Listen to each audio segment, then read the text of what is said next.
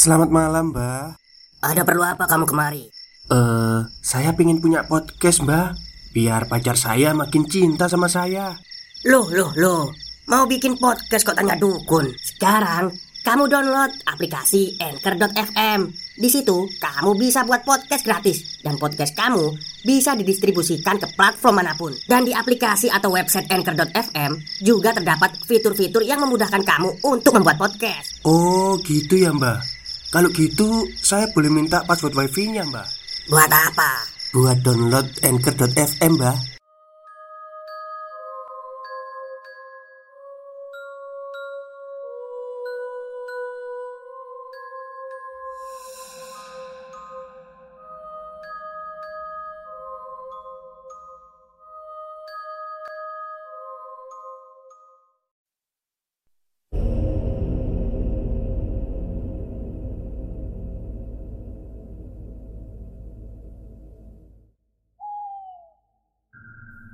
Assalamualaikum warahmatullahi wabarakatuh. Halo semuanya, jumpa lagi dengan saya Chow Sing Sing Kurator dari podcast Horror Night Story.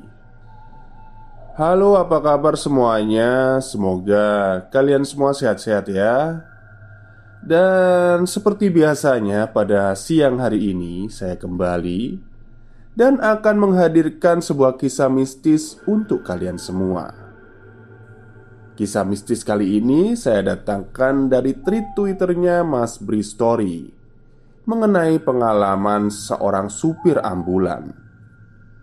Seperti apa kisahnya?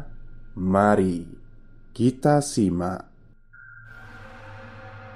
Terkadang alam bawah sadar merasakan hal yang semestinya nggak kita rasa Semu hampa sisi lain selalu membuat nurani terpana.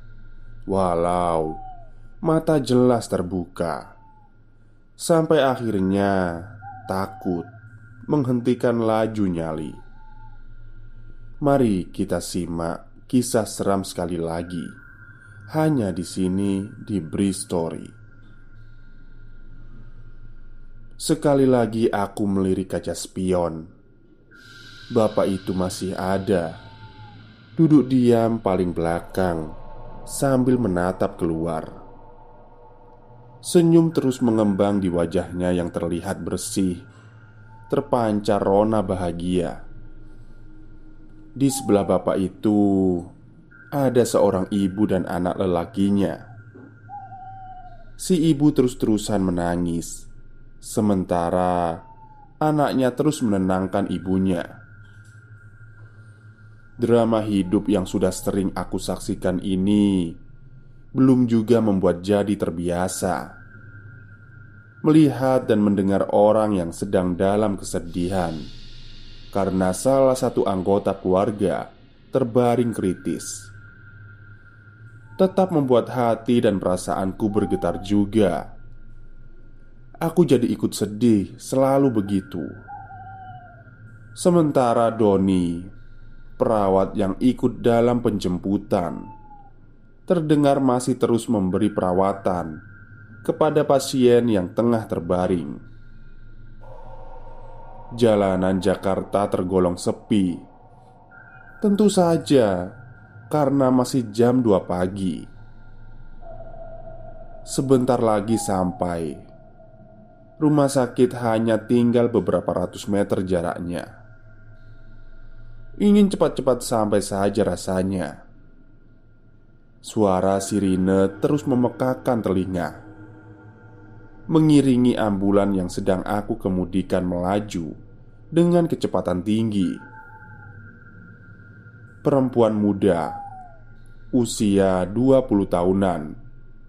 Parasnya cantik Rambutnya panjang tergerai Sampai bahu dia duduk di depan di sebelahku. Sejak dari rumahnya tadi tempat aku menjemput. Dia sepertinya adalah adik dari laki-laki yang duduk di belakang itu. Sama seperti ibunya. Air mata perempuan ini terus mengalir sepanjang perjalanan. Walau sama sekali aku gak mendengar suaranya. Akhirnya Gerbang rumah sakit sudah kelihatan. Aku lalu mengurangi kecepatan. Ambulan aku bawa masuk gerbang. Ketika kami sudah benar-benar sampai, gedung UGD menjadi tujuan. Aku menghentikan kendaraan di depan pintu UGD.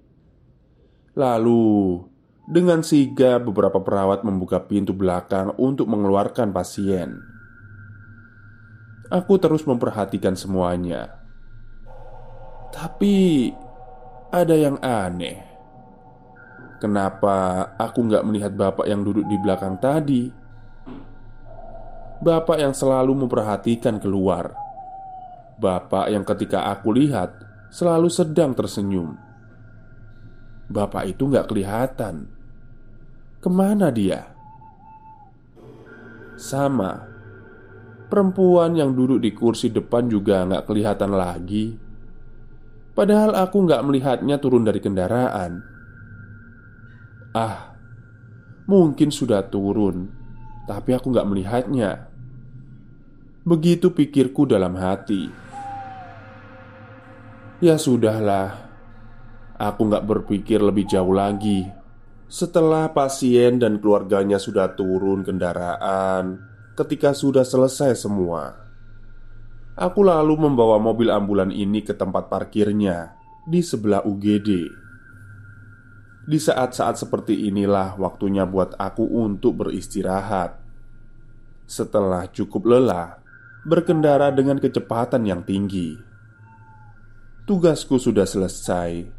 Hanya bisa berharap kalau pasien yang tadi aku antar bisa diselamatkan nyawanya. Aku menunggu di satu ruangan yang biasanya dijadikan tempat untuk beristirahat pekerja rumah sakit entah itu perawat, dokter, atau yang lain. Mereka juga sama sepertiku, butuh sekedar menghela nafas ketika baru saja selesai bertugas. Dan benar saja, sekitar satu jam kemudian, Doni masuk ke ruangan. Perawat yang menjemput pasien denganku tadi. Nggak tertolong mas. Pasien yang tadi meninggal. Doni bilang begitu ketika baru saja masuk. Innalillahi. Sedih aku mendengarnya. Tadi saya ngobrol sama anak laki-lakinya Sepeninggal almarhum ayahnya sekarang Hanya tinggal dia dan ibunya saja Lanjut Doni tinggal berdua. Kan masih ada bapak dan adiknya yang ikut kita tadi, Don. Ucapku sedikit protes. Aduh, Mas Anto ini gimana sih? Yang meninggal itu bapaknya Sedangkan adiknya sudah meninggal juga dua tahun yang lalu. Sakit katanya. Hah? Kan tadi ada bapak-bapak di belakang bareng kamu Don. Bareng pemuda laki-laki sama ibunya. Dan adik perempuannya duduk di depan.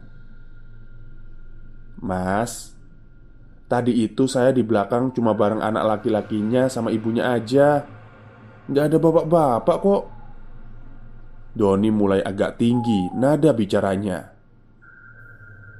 Terus Bapak yang duduk di paling belakang itu siapa? Berkumis, agak gemuk, rambutnya sedikit ikal. Hehe, ah, Mas Anto halu nih. Yang digambarin itu kok persis sama pasien yang meninggal. Beneran, Mas. Saya tadi cuma bertiga di belakang mendampingi pasien. Lah, terus? Yang duduk di depan sebelah aku siapa? Perempuan. Muda cantik. Tanyaku lagi. Eh, sepanjang jalan tadi Gak ada orang yang duduk di depan. Mas Anto lo duduk sendirian. Kami semua di belakang Gak ada yang duduk di depan selain Mas Anto Begitu Doni bilang Dan Dia sama sekali nggak bercanda. Aku Anto, bekerja sebagai supir ambulan di salah satu rumah sakit besar di Jakarta. Profesi ini sudah aku geluti sejak tahun 2009. Sudah cukup lama. Awalnya, ini memang bukan jadi pekerjaan yang aku inginkan dan cita-citakan. Sama seperti kebanyakan orang, aku juga ingin bekerja kantoran, tapi nasib menggariskan demikian. Aku harus mengabdikan hidup sebagai supir ambulan. Rumah sakit tempatku bekerja juga bukan rumah sakit kecil, termasuk cukup besar malah. Bangunannya menjulang tinggi di jalan besar yang terletak di selatan Jakarta. Yayasan yang menaungi juga sangat menghargai pekerjanya, termasuk supir sepertiku. Makanya, sudah 10 tahun lebih aku bertahan karena memang betah di sini. Dalam perjalanannya, banyak pengalaman yang aku alami. Pahit getirnya sudah aku alami Termasuk cukup banyak pengalaman yang menjurus seram. Beberapa di antaranya sangat jauh di luar logika, gak masuk akal, tapi kejadian. Satu pengalaman janggal yang menjurus seram sudah aku ceritakan di awal tadi. Ketika ambulan yang aku kemudikan membawa penumpang gelap, dua penumpang ternyata yang sudah meninggal. Seperti aku bilang tadi, banyak peristiwa yang sama sekali nggak bisa diterima akal, susah untuk dipercaya. Aku sendiri yang mengalaminya pun masih nggak bisa pikir, kok bisa semuanya terjadi. Salah satu contohnya lagi, kejadian yang aku alami ketika baru beberapa minggu bekerja satu peristiwa yang aku sangat ingat detailnya sampai sekarang. Waktu pertama kali masuk dulu, sebenarnya sudah ada satu supir ambulan, tetapi karena ambulan yang dimiliki oleh rumah sakit lebih dari satu, maka supir yang dibutuhkan juga harus lebih dari satu.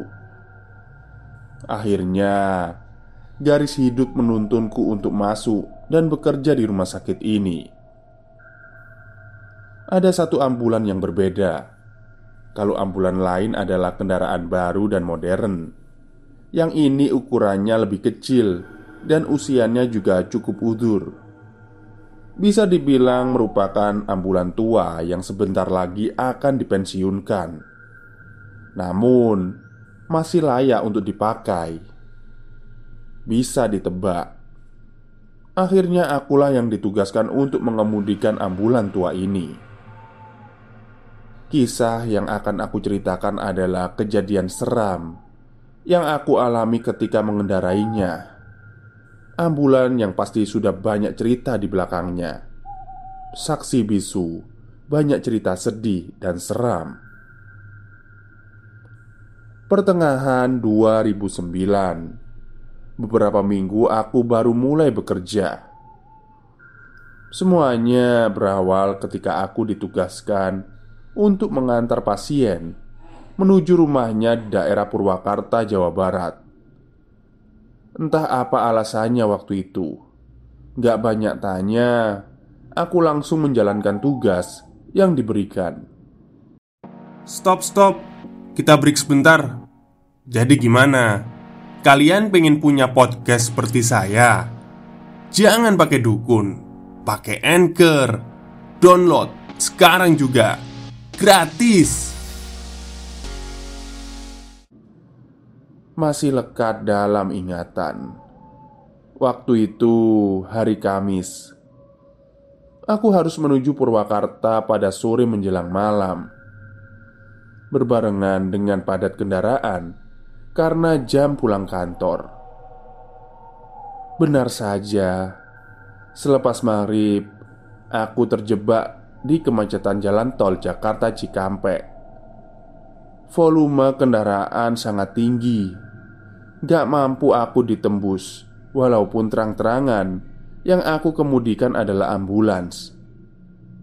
Kami tetap saja tersendat karena kendaraan lain seperti enggan untuk mengalah.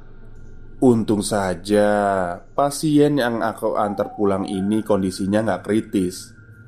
Jadinya agak berkurang bebanku berkendara. Singkat cerita, setelah menerobos padatnya jalan Jakarta Cikampek sekitar jam 9 malam, kami sudah keluar tol dan mulai memasuki jalan biasa. Tadinya aku pikir setelah keluar tol nggak akan lama lagi akan sampai ke tempat tujuan. Tapi salah.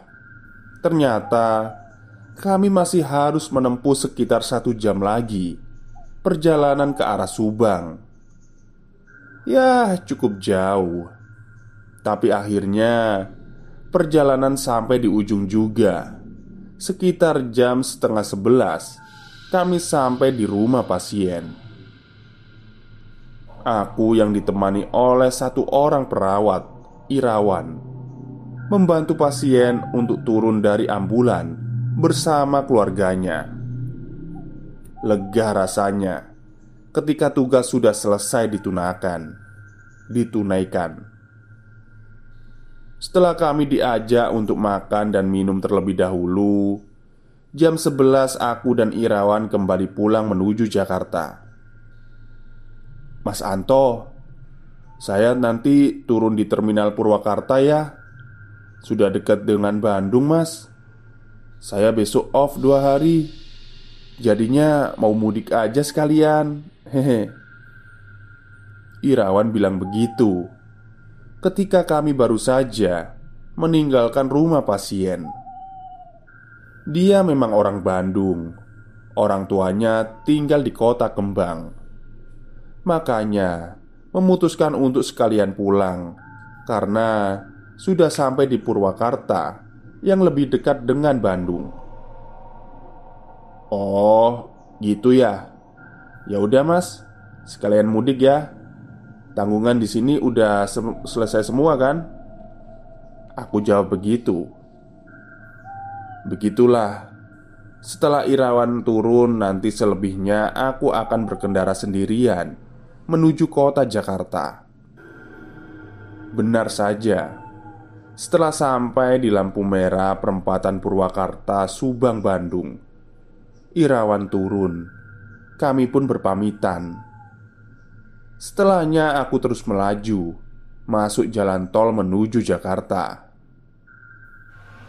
Jalan tol jam 12 malam Sudah sangat lenggang Walau masih cukup banyak kendaraan yang melintas.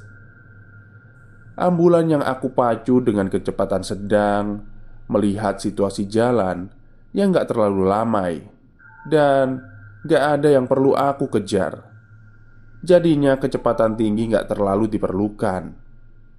Ditambah Sadar kalau aku yang kendarai ini Adalah kendaraan yang umurnya sudah nggak muda lagi Daripada nantinya terjadi kerusakan Lebih baik aku menjalankannya dengan kecepatan normal Aman Benar Awalnya aman Tapi ketika mulai memasuki sepertiga perjalanan sesuatu mulai terjadi. Sesekali aku merasakan kalau mobil seperti kehilangan tenaga. Pedal gas yang aku injak tidak memberikan efek untuk melaju. Tapi sebentar kemudian, mesin kembali normal. Hal ini berlangsung beberapa kali. Aku jadi mulai was-was. Kenapa sih ini mobil? Aku bergumam sendirian. Kemudian aku mulai berdoa, semoga mobil dapat terus melaju sampai nanti di tujuan. Terus aku berdoa sepanjang jalan, tapi ternyata takdir berkehendak lain. Di kilometer 40 akhirnya mesin berhenti total. Untunglah aku masih sempat mengarahkan mobil ke bahu jalan sebelum mesin benar-benar mati. Lewat tengah malam itu, aku terjebak di tengah jalan tol dengan mobil mogok. Untungnya aku masih termasuk orang yang mengerti tentang mesin kendaraan. Jadinya masih percaya diri untuk memeriksa kerusakan kenapa sampai mesin mati. Di pinggir jalan itu, aku mencoba mencari tahu sumber kerusakannya. Tapi aneh, entah sudah berapa kali aku memeriksa dan memperhatikan mesin mobil itu, tapi nampaknya nggak ada kerusakan. Semuanya normal. Sampai akhirnya aku menyerah. Di titik ini aku coba menghubungi Pak Ruslan. Beliau adalah supir seniorku. Dia juga yang sebelumnya mengendarai mobil ini. Halo, Pak Ruslan. Maaf ganggu pak. Saya mau minta tolong. Aku bilang begitu Ketika percakapan sudah dimulai Iya, ada apa toh? Pak Ruslan menjawab di ujung telepon. Kemudian, aku menceritakan semua yang sedang aku alami. Tapi di tengah percakapan, Pak Ruslan mengucapkan atau mengeluarkan pertanyaan yang menurutku agak aneh. "Toh, ini sampean lagi di mana?" tanya Pak Ruslan dengan logat Jawa kentalnya. "Saya lagi di pinggir jalan tol, Pak." Emang kenapa? Aku menjawab dengan pertanyaan. Kok saya dengar ada orang yang sedang berdoa ya? Banyak orang? Atau kamu sedang dekat tempat ibadah? Hah? Gak ada pak Ini saya benar sedang di pinggir jalan tol Gak ada orang berdoa di sini Seperti itu ucapanku. Oh, Gitu. Waduh, maaf ya. Saya nggak bisa bantu apa-apa. Lebih baik kamu tunggu mobil derek aja. Kalau memang mobilnya mogok total. Begitu katanya. Ada orang berdoa. Kok aneh? Tapi ya Udahlah Aku mengabaikan omongan Pak Ruslan itu. Beliau juga nggak bisa membantu. Nggak ada jalan lain. Aku akan menghubungi nomor darurat jalan tol. Tapi sebelum menelpon Iseng aku mencoba memutar kunci mobil sekali lagi Dan mencoba menghidupkan mesin. Sambil berdoa Aku melakukannya. Ternyata masih hidup Menyala dengan normal. Sepertinya nggak pernah ada kerusakan sebelumnya. Gak buang-buang waktu. Aku langsung tancap gas. Ah, lega rasanya. Aku terus memacu mobil menuju rumah sakit. Aku pacu dengan kecepatan cukup tinggi Supaya cepat sampai. Tapi Ketika persis sebelum aku masuk ke tol Jor Lingkar luar Jakarta Ponselku berdering. Ternyata istriku yang menelpon. "Halo, Papa di mana? Kok belum pulang juga?" Begitu istriku bilang. "Ini masih di jalan, mah. Tapi sebentar lagi sampai kok. Ini udah di jalan Jor." Eh, uh, Papa sama siapa di mobil? Kok ada suara orang berdoa? Ada pasien ya? Aku kaget mendengarnya karena istriku menanyakan hal yang sama dengan pertanyaan Pak Ruslan tadi. Orang berdoa, gak ada mak. Ah, ini papa sendirian. Ya udah, ya udah, udah dulu ya. Nanti papa langsung pulang begitu sampai di rumah sakit. Aku pun menutup telepon. Orang berdoa. Kok istriku dan Pak Ruslan bilang begitu? Padahal aku benar-benar sendirian di sini. Ah, ya sudahlah. Mungkin ada gangguan pada ponselku. Aku nggak berpikir macem-macem. Aku terus meluncur menembus lenggangnya jalan tol. Hal aneh berikutnya terjadi ketika aku sedang melintas di depan terminal Kampung Rambutan. Kira-kira setengah jam menuju rumah sakit. Tiba-tiba sayup aku mendengar ada orang yang sedang berdoa. Bukan satu, tapi beberapa orang. Awalnya aku pikir suaranya dari luar, tapi ternyata aku salah. Suara orang berdoa itu asalnya dari dalam kendaraan di bagian belakang mobil. Sontak, bulu kuduku berdiri. Aku merinding. Suara doa itu semakin lama semakin jelas terdengar. Tadinya aku gak berani untuk melirik kaca spion. Aku takut kalau-kalau ada pemandangan seram terlihat di belakang. Sementara itu, suara orang-orang itu semakin jelas terdengar. Entah apa yang aku pikirkan. Akhirnya aku penasaran dan memaksa untuk melihat kaca spion. Saat itulah aku melihat semuanya di belakang. Aku melihat ada beberapa orang yang sedang duduk di kursi yang memanjang kanan kiri. Semuanya memakai pakaian gelap. Masing-masing memegang buku yang bentuknya seperti kitab suci. Mereka seperti sedang berdoa sambil membaca kitab suci di tangannya. Sementara di antara mereka di tengah ada terbaring jenazah terbalut kain putih menyerupai pocong. Walaupun hanya beberapa belas detik melihatnya, tapi tubuhku langsung lemas, shock, jantungku berdegup kencang. Aku ketakutan. Sepanjang sisa perjalanan, kaca spion aku arahkan ke atas supaya nggak bisa lagi melihat mereka. Tetapi tetap saja suara-suara bait doa masih terus terdengar.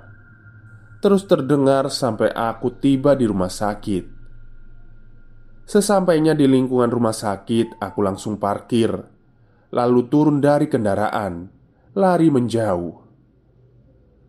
Setelah cukup jauh, aku langsung terduduk lemas di depan pintu masuk UGD. Apakah selesai? Belum. Dari kejauhan, aku tetap bisa melihat ambulan terparkir dalam gelap. Setelah aku perhatikan benar-benar, ternyata ada pemandangan aneh. Aku melihat ada bayangan hitam turun satu persatu dari pintu belakang ambulan. Kemudian mereka menghilang, masuk ke salah satu gedung besar di rumah sakit. Hai, balik lagi ke gue, Bri. Cukup sekian cerita malam ini. Semoga bisa menjadi penghibur sepi. Sampai jumpa dengan cerita lainnya minggu depan. Tetap sehat supaya bisa terus merinding bareng. Salam Bri. Baik, itulah akhir cerita yang dituliskan oleh Mas Bri Storia mengenai pengalaman seorang supir ambulan ketika membawa jenazah, bukan jenazah ya, membawa pasien menuju luar Jakarta. Jadi, eh, pengalaman supir ambulan itu memang banyak sekali lah Termasuk yang menjurus seram. Ya termasuk ceritanya Mas Anto ini. Kalau Mas Anto ini Saya kira sih ceritanya Anu ya Masih wajar lah seramnya. Ada kok supir ambulan yang lebih seram lagi itu. Baik, mungkin itu saja cerita pada siang hari ini. Kurang lebihnya, saya mohon maaf. Wassalamualaikum warahmatullahi wabarakatuh.